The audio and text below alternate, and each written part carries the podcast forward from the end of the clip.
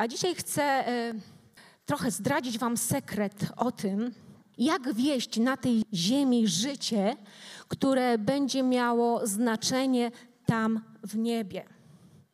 Jak wieść na tej ziemi życie, które będzie miało znaczenie tam w niebie. I ten sekret odsłania przed nami Księga Kaznodziei Salomona. Jest to niezwykła księga, trudna księga, e, bo jest tam dużo niezrozumiałych rzeczy. I czasem, gdy czytamy Biblię, to ją tak wiecie, omijamy. Ale tak naprawdę Pan Bóg chciał pokazać pewne rzeczy w tej księdze, aby do nas dotarły.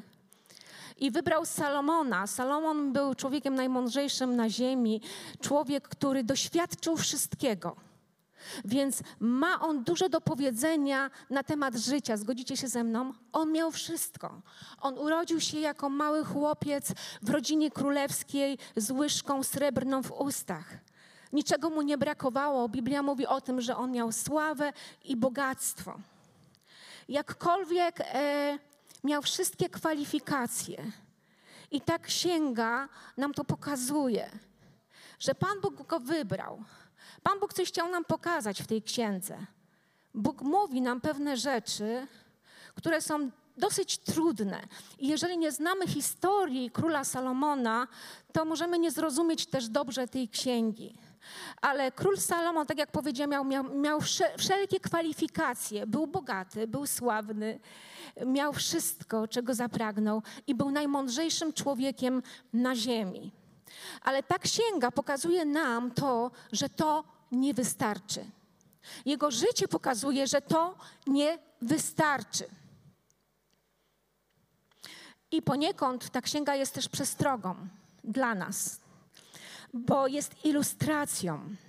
Wcześniej mamy księgę przypowieści Salomona, a później mamy księgę kaznodziei Salomona. I jest dosyć duża przepaść pomiędzy jedną księgą a drugą księgą. Nie wiem, czy znasz dobrze historię króla Salomona, ale przeczytam króciutko o jego życiu. Na sam dobry początek z pierwszej księgi królewskiej, dziesiąty rozdział i dwudziesty trzeci werset. Król Salomon zatem przewyższał bogactwem i mądrością wszystkich królów ziemi. Wszyscy chcieli się spotkać z Salomonem i posłuchać mądrości, którą Bóg go obdarzył. To jest niesamowite. Wszyscy, wszyscy chcieli się spotkać z Salomonem. Niesamowity wpływ na ziemi, aby posłuchać jego mądrości. Goście tacy każdego roku przywozili ze sobą dary, naczynia srebrne, złoto, szaty, broń wonności, konie oraz muły. Oraz muły. Ale też czytamy w 11 rozdziale o Salomonie, że Salomon brał sobie kobiety za żony, które nie pochodziły z Jerozolimy, z Izraela Pochodziły one z narodów, co do których Pan powiedział synom izraelskim: Nie łączcie się z nimi i niech one nie łączą się z wami, bo z pewnością nakłonią wasze serca do pójścia za swoimi bogami. Do takich właśnie kobiet przylgnął Salomon w swych pragnieniach. Miał zaś 700 żon, księżniczek, a nałożnic 300. I to jego kobiety, i te jego kobiety zwiodły jego serce. Kiedy Salomon posunął się w latach, kobiety te nakłoniły jego serce do pójścia za innymi bogami, tak że jego serce nie było, nie było tak bez reszty oddane Panu, jego Bogu, jak to było w przypadku Dawida, jego ojca. I tak jak powiedziałam, Salomon ma wszelkie kwalifikacje, aby nas nauczyć pewnej rzeczy – jak żyć, aby to nasze życie miało znaczenie tam w niebie, gdyż On miał wszystko. I jest, tak jak powiedziałam, przepaść pomiędzy Księgą Przypowieści Salomona a Księgą Kaznodziei Salomona, dlatego że w, księga, że w przypowieściach Salomona serce Salomona jest jeszcze blisko Boga. On jest jeszcze nasiąknięty nauczaniem swojego ojca Dawida. Jest tam tak wiele mądrości, którą możesz żyć i tak wiele takiego praktycznego życia, które jest naznaczone takim rozsądkiem, wiarą, zaufaniem i nadzieją. Jakże inna już jest księga kaznodziei Salomona. to jest księga, w której już Salomona serce było zwiedzone, w którym, w którym już jego serce nie było tak blisko Pana, w którym jego żony pobudziły go do tego, aby oddawać też cześć i modlić się do innych bogów. Przepraszam. I ta księga, ta księga zaczyna się w dziwny sposób. Dziwnymi słowami. Wiecie, nigdy bym nie napisała w taki sposób książki. Bo kiedy czytasz, ta, czytasz te pierwsze słowa, to już ci się nie chce czytać. Bo co czytamy w pierwszych słowach?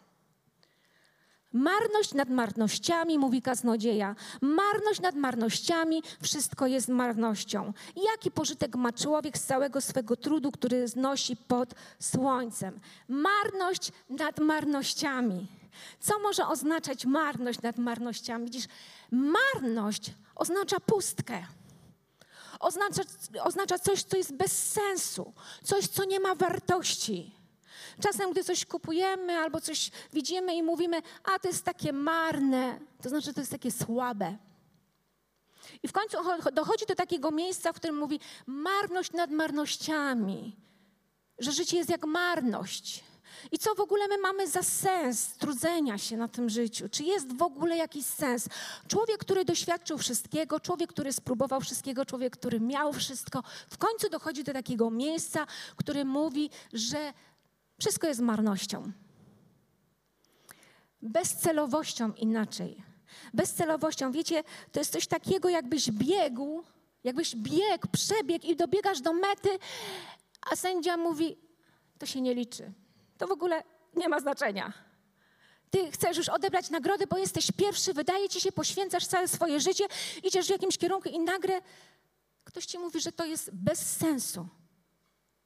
Wszystko, co robiłeś, jest bez sensu, jest marnością i tak może się okazać. Tak może się okazać w naszym życiu. Wiecie, ludzie wytyczają sobie różnego rodzaju cele w swoim życiu. Y, I czasem te cele są dobre, czasem nie są dobre. Y, I myślę, że wielu ludzi błądzi gdzieś, szukając tego celu, wmawiając sobie nawet, udowadniając sobie i innym, kim są. A tak naprawdę nie wiemy, kim jesteśmy, kiedy nie znamy Boga i nie mamy tożsamości w Nim, bo Bóg wie, kim jesteśmy, dlatego że On nas stworzył i tylko od Niego możemy odebrać prawdę o samym sobie. Amen? Zgodzicie się ze mną. I wiecie, to jest takie, to jest naprawdę super księga. Ja Was dzisiaj zachęcam do tego, abyście ją przeczytali i mam nadzieję, że. Yy, że przyjdzie dużo takiej świeżości, wiecie, i dużo fajnych rzeczy będziecie mogli y, uchwycić. Salomon cały czas podkreśla pewną rzecz, że, y, że, że to jest dla tych, że on mówi do tych, którzy są pod słońcem, wiecie, czyli dla nas, którzy żyjemy na planecie Ziemia, jesteśmy w układzie słonecznym, my, którzy tutaj żyjemy, i on dochodzi do takiego właśnie wniosku. A prawda jest też taka, że kiedy żyjesz na tej ziemi i jesteś odłączony od Boga, to Twoje życie jest marnością. Mhm. Jest bezcelowe. Wiecie, i Salomon zabiera nas na taką wycieczkę, podróż w tej księdze, gdzie e, przedstawia wszystko, czego skosztował w swoim życiu. E, że mówi po prostu: Ja przetestowałem wszystko. Wszystko, co najlepsze jest na tej ziemi, ja przetestowałem. I Salomon wydaje mi się jak człowiek, który ma taką, wiecie, wielką dziurę, przez którą może przejechać ciężarówka i którą próbuje zapełnić różnymi rzeczami i w końcu stwierdza, że wszystko jest marnością. I to jest ciekawa lekcja. Słuchajcie, drugi rozdział Księgi Salomona, yy, Kaznodziei Salomona. Jeżeli masz Biblię, czytaj razem ze mną, zapraszam cię do tego, bo to jest taki zarys wszystkiego w tym drugim rozdziale, co się dzieje w tej księdze, o czym Salomon mówi w tej księdze. Następnie pomyślałem, kiedy już tak pomyślał, że wszystko jest marnością, to pomyślał tak. Dobrze, spróbuję przyjemności. Przekonam się, czy jest coś warta. Czy przyjemność jest coś warta. Ale i to okazało się marnością. Żyć dla zabawy jest szaleństwem, a szukanie rozkosz, rozkoszy, cóż to daje? Próbowałem też dogodzić sobie winem, oczywiście tak, by nie stracić nad sobą kontroli tyle dobrze.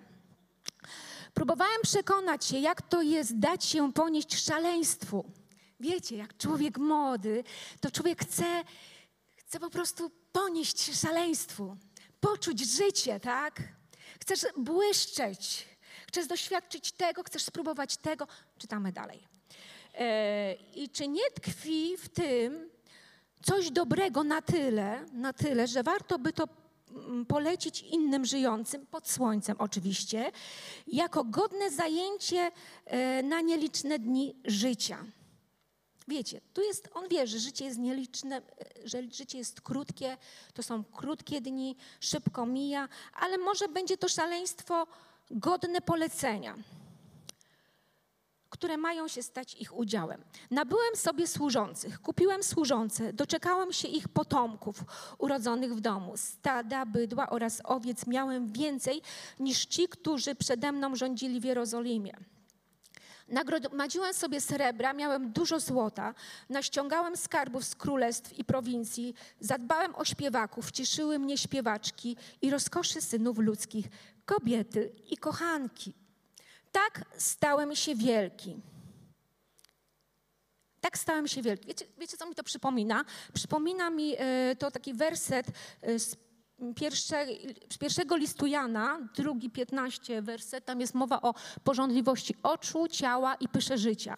I tutaj wyraźnie widzimy tą porządliwość ciała i porządliwość oczu, której zasmakował Salomon i stwierdził, że absolutnie nie ma w tym nie, no nie ma w tym nic takiego, tak?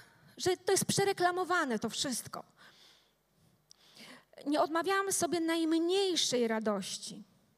On bawił się, po prostu imprezowicz, cały czas imprezka. Nie, nie odmawiam sobie najmniejszej radości. Tak, moje serce cieszyło się owocem całego mojego trudu. Musiał się natrudzić, bo był królem, żeby to wszystko, wiecie, poukładać, pozarządzać, ale Pan Bóg dał mu mądrość, bo Salomon któregoś dnia spotkał się z Panem Bogiem i Pan Bóg mu zadał pytanie, co chcesz? Sławę, bogactwo, co chcesz? Wszystko ci dam. On powiedział, daj mi mądrość. I ten człowiek miał mądrość, dlatego mądrość doprowadziła go do tego miejsca, aczkolwiek na pewno trampoliną y, w tym bogactwie też było wszystko to, co zgromadził Dawid. Zgodzicie się ze mną, tak? Na pewno to dziedzictwo też miało kluczowe znaczenie. Mm. Tak moje serce cieszyło się owocem całego mojego trudu. Na tym właśnie polega mój udział w tym, że się e, go, e, że go podejmowałem. W końcu przyjrzałem się tym wszystkim moim dziełom, spojrzałem na to, czego dokonały moje ręce, oceniłem, ile kosztowało mnie to trudu i oto do czego doszedłem. Wszystko jest marnością. Mhm. Wszystko jest marnością. To jest niesamowite. E, I gonitwą za wiatrem, i tak dzisiaj też to sobie nazwałam, to moje przesłanie, i gonitwą za wiatrem nie niesie z sobą żadnego pożytku pod słońcem. To jest bardzo ciekawe. E, w końcu on dochodzi do takiego miejsca. Wiecie, każdy lubi się bawić, każdy lubi imprezować. E, I później on zachęca też e, do tego, ale trochę w inny sposób na końcu tej księgi, żeby się bawić, żeby imprezować ale jednak on dalej pisze, że on powiększył też swoje dzieła. On ciągle, on ciągle coś dodawał, on ciągle coś um, testował. Może to jest warte tego życia tu na ziemi. I w końcu za każdym razem dochodził, nie, to jest marnością, nie warte to jest tego trudu, w jaki zdobywasz to. E, I to, co chcę Wam, kochani, powiedzieć, w końcu on dochodzi do takiego wniosku, tak jak już mówiłam, że jest marnością. I, i nagle e, mówi, Panie Boże, pozwól, że jeszcze sprawdzę jedną rzecz. I czytamy o tym e, w 12 wersecie. Skierowałem, skierowałem więc myśl tak, by przyjrzeć się mądrości, szaleństwu i głupocie. Czyli on teraz chce się przyjrzeć, wiecie, chce rozważać mądrość, mądrość, szaleństwo i głupotę i nie będę dalej czytać, ale on to rozważa i w sumie tych, suma summarum tych wszystkich jego rozważań jest taka, że mądrość góruje nad głupotą, e, tak jak światłość nad ciemnością, e, ale e, dochodzi do wniosku, że że to też jest marnością. E, aczkolwiek wiecie, to jest człowiek, który nie musiał się tak uczyć jak my, żeby iść do szkoły, żeby zdobyć wykształcenie, żeby się nauczyć, żeby się rozwijać, bo on po prostu to już miał. To był dar od Boga. My w szkole nabywamy jakąś tam wiedzę, ale mądrość jest tym, że ty potrafisz zastosować tą wiedzę w odpowiednim czasie, w odpowiednim momencie w twoim życiu. I powiedział, że jedyny korzyść z tej mądrości to jest to, że ci się lepiej żyje tu na tej, na tej ziemi. E, I, I taka jest prawda, bo kiedy ty masz mądrość, to ty wiesz, kiedy odpowiedzieć i co powiedzieć. A wiecie, że śmierć i życie są w mocy języka. Więc e, to jest bardzo już, to już jest bardzo istotne, kiedy masz tą mądrość, kiedy możesz się zamknąć, kiedy możesz powiedzieć, e, bo to z ciebie wy, wychodzi. Wiesz, że mądrość, mądrość wychodzi z ciebie, kiedy ty otwierasz usta i głupota też. Też mi się tak zdarzyło nieraz. E, I on dochodzi, wiecie, do takiego wniosku, że no, mądrość też jest e, marnością. Dlaczego on dochodzi do takiego wniosku? Bo wie, że przychodzi taki dzień, w którym ani Twoje wykształcenie nie zatrzyma Cię przed zejściem do grobu, ani Twoje pieniądze nie zatrzymają Cię przed zejściem do grobu, ani tym, kim jesteś, nie zatrzyma Cię przed grobem, y, że to przychodzi moment, w którym y, śmierć zrównuje wszystkich. Zgodzicie się ze mną? Y, śmierć zrównuje głupotę i mądrość, którą tutaj miałeś na tej ziemi. E, I Salomon stwierdza, że ja już nie mam wtedy kontroli nad tym, co zdobyłem, gdy umieram. I chyba to go najbardziej boli, bo ja nie wiem, czy ta osoba, której ja to przekażę, będzie na tyle mądra i na tyle e, e, przygotowana i na tyle będzie mieć właściwe serce, aby właściwie tym zarządzać. Czy ona nie straci tego wszystkiego, tego całego e, mojego owocu. I w końcu, wiecie, popada właśnie w taką depresję i ta księga może może tchnąć depresją, uważa, aczkolwiek uważam, że jest to bardzo, bardzo mądra księga, bo Salomon maluje coś takiego, że nasze życie jest jak taka piękna bańka mydlana, jak sztuczne ognie, które wiecie, jak jest wystrzał, wszyscy się cieszą, hura, super, są piękne kolory, a potem jest ciemne niebo pustka. I dobrze jest się nad tym zastanowić, bo on też pisze coś takiego, tutaj jest wiele takich cennych, y, kluczowych wersetów. Y, pisze coś takiego, że lepiej jest być w domu żałoby niż w domu wesela, bo wtedy serce staje się lepsze. A lepsze staje się dlatego, że myślisz o kresie swojego życia i jaką wartość ma to, co ty robisz. Y, więc, więc cała potem księga mówi, co jest marnością. Każdy rozdział mówi, co jest marnością. Ale dochodzimy do rozdziału trzeciego, i to jest też jeden z najsłynniejszych rozdziałów y, w Kazodziei Salomona, nawet można powiedzieć w Biblii,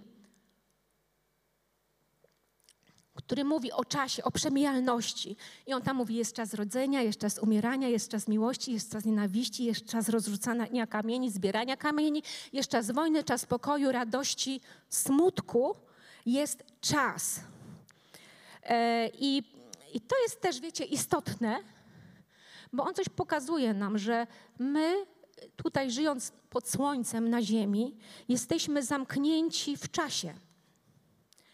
E, jesteśmy zamknięci w czasie i czasem chcemy uciec z tego, gdzieś tam nasze wnętrze, chcemy z tego uciec, ale nie możemy z tego uciec. Tak naprawdę to jesteśmy takimi niewolnikami czasu.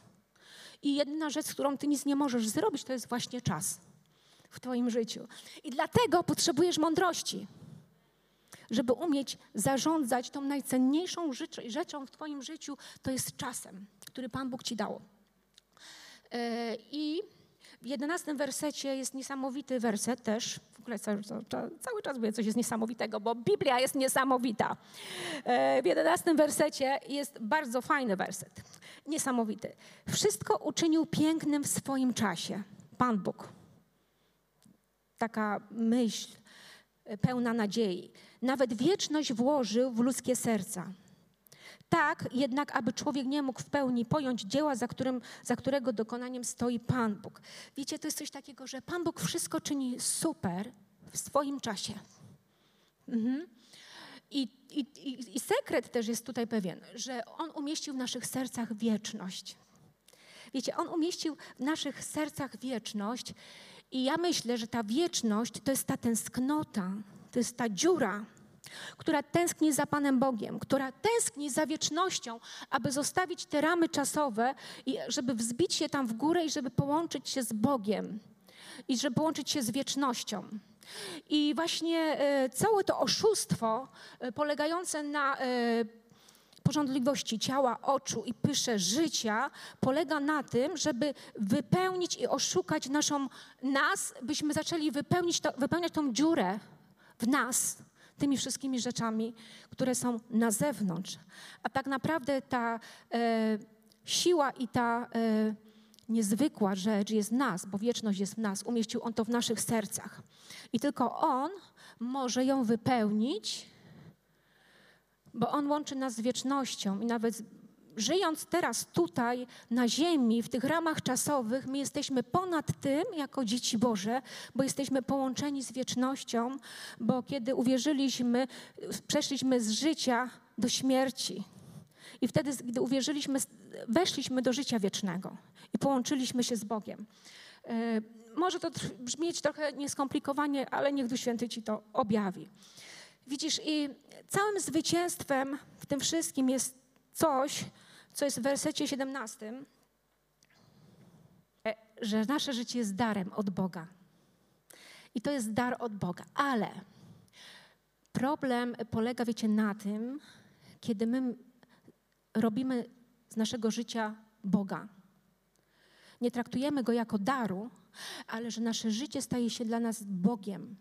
I wszystko podporządkowujemy naszemu życiu, a nie Panu Bogu. I wtedy nasze życie staje się naszym idolem. I to życie nam mówi, co my mamy robić i jak my mamy tańczyć. Czego my mamy pragnąć, żeby być szczęśliwym, żeby to życie było piękne. E, I z kim mamy mieć relacje, ile mamy pracować, co potrzebujemy.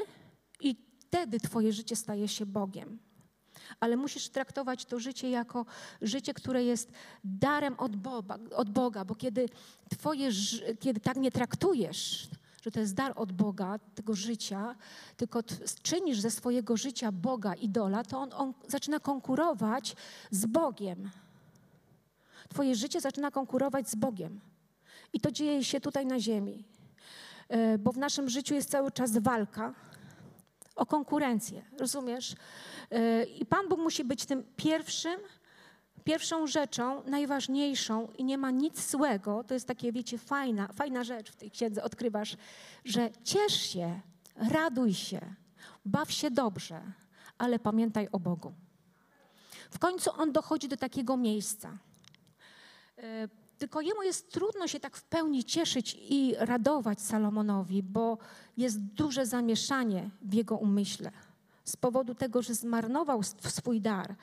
I bardzo ciekawy jest dwunasty rozdział. Dwunasty rozdział. I on jest, wiecie, skierowany do młodych ludzi, do ludzi poniżej 40 roku życia. E, to też właśnie jest takie no, trudne do młodych ludzi, tak, e, bo moje wnuki ostatnio e, mówią 40, ktoś tam miał 40, oj, to już taki stary.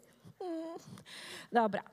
W każdym razie mówię teraz do tych młodych, do tych młodych ludzi, wszystkich przed czterdziestką. Słuchajcie, dwunasty werset jest dla was, dwunasty rozdział, pierwszy werset.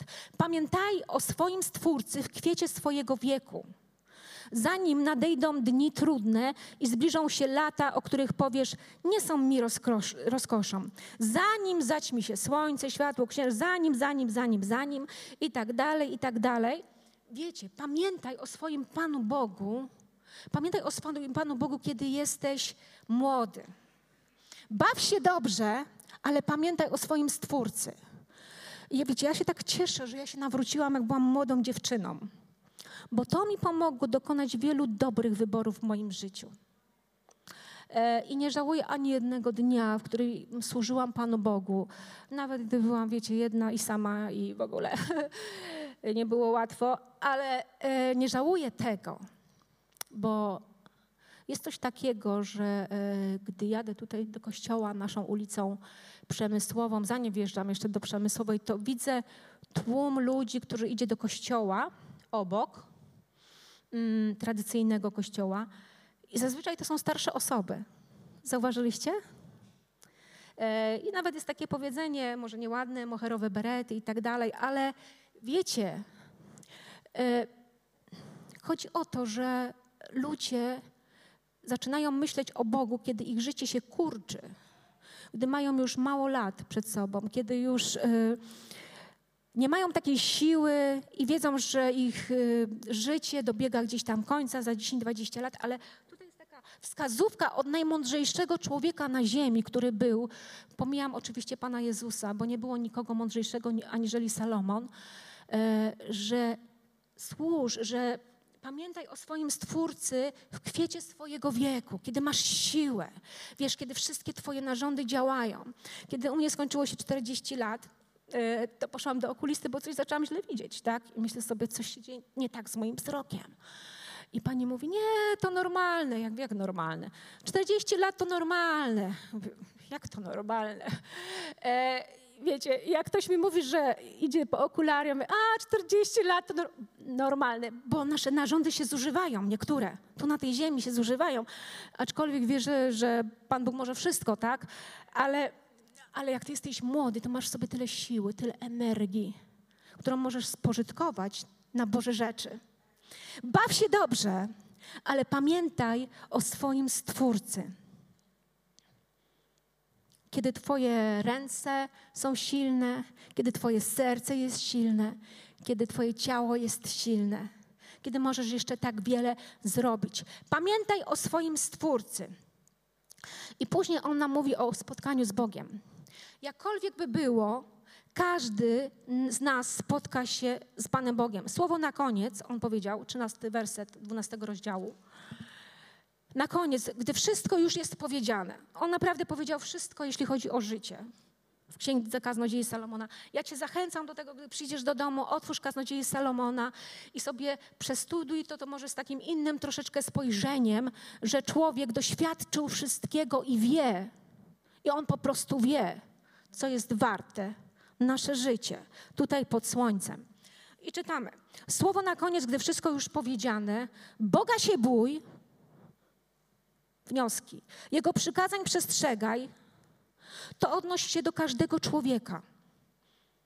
Gdyż nad każdym czynem Bóg dokona sądu, nad każdą rzeczą skrytą, czy to dobrą, czy to złą. Baw się dobrze, kosztuj czego chcesz, ale pamiętaj, że przyjdzie dzień, w którym spotkasz się z Bogiem. I wtedy Bóg wyciągnie wszystko z Twojego życia, to, co nawet myślisz, że nikt nie wie, to On to wyciągnie. Okej, okay? słuchajcie. Ciesz się dobrymi rzeczami i pamiętaj o spotkaniu z Bogiem. Jak zwyciężyć ten bieg na tej ziemi? Którym jest życie. Jak przyjść zwycięsko? I napisałam sobie tutaj trzy punkty. Nie karm niedźwiedzia. O co chodzi?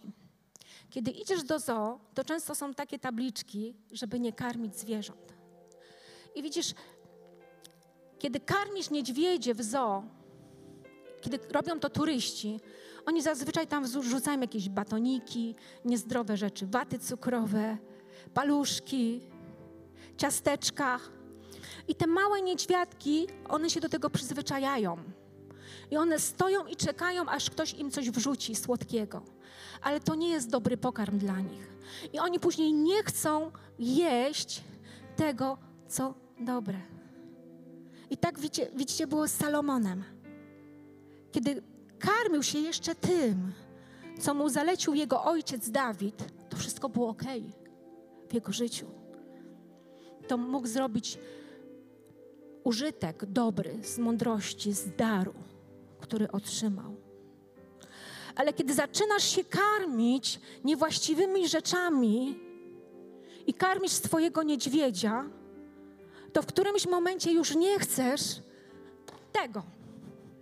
Już po prostu nie pragniesz tego. I to nie jest tak żywe i to cię tak nie pociąga, bo jesteś nakarmiony wszystkimi tymi śmieciowymi rzeczami.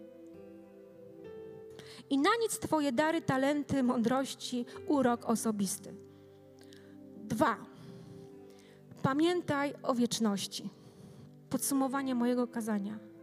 Nie karm niedźwiedzia, pamiętaj o wieczności. Taką fajną historię słyszałam o takim Richu Johnsonie. Był to najlepszy baseballista w Stanach Zjednoczonych, który wygrywał praktycznie każdy mecz. I kiedyś zadano mu pytanie: Ma pan mieć w październiku bardzo ważny mecz? I jak to jest, że pan wygrywa każdy mecz? On mówi: Dlatego, że kiedy mam te mniejsze mecze, wiecie, nie te takie mistrzowskie, tylko te ligowe, tak? Dobrze to mówię? To on cały czas myśli o październiku.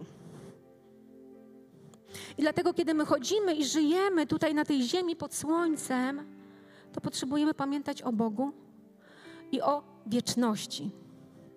Nie karm niedźwiedzia i pamiętaj o wieczności. I ostatnią rzeczą, którą chcę dzisiaj też zwrócić uwagę, żyj w łasce. I to jest coś, o czym Salomon nie powiedział, a co jest ważnym przesłaniem dla nas w tych czasach.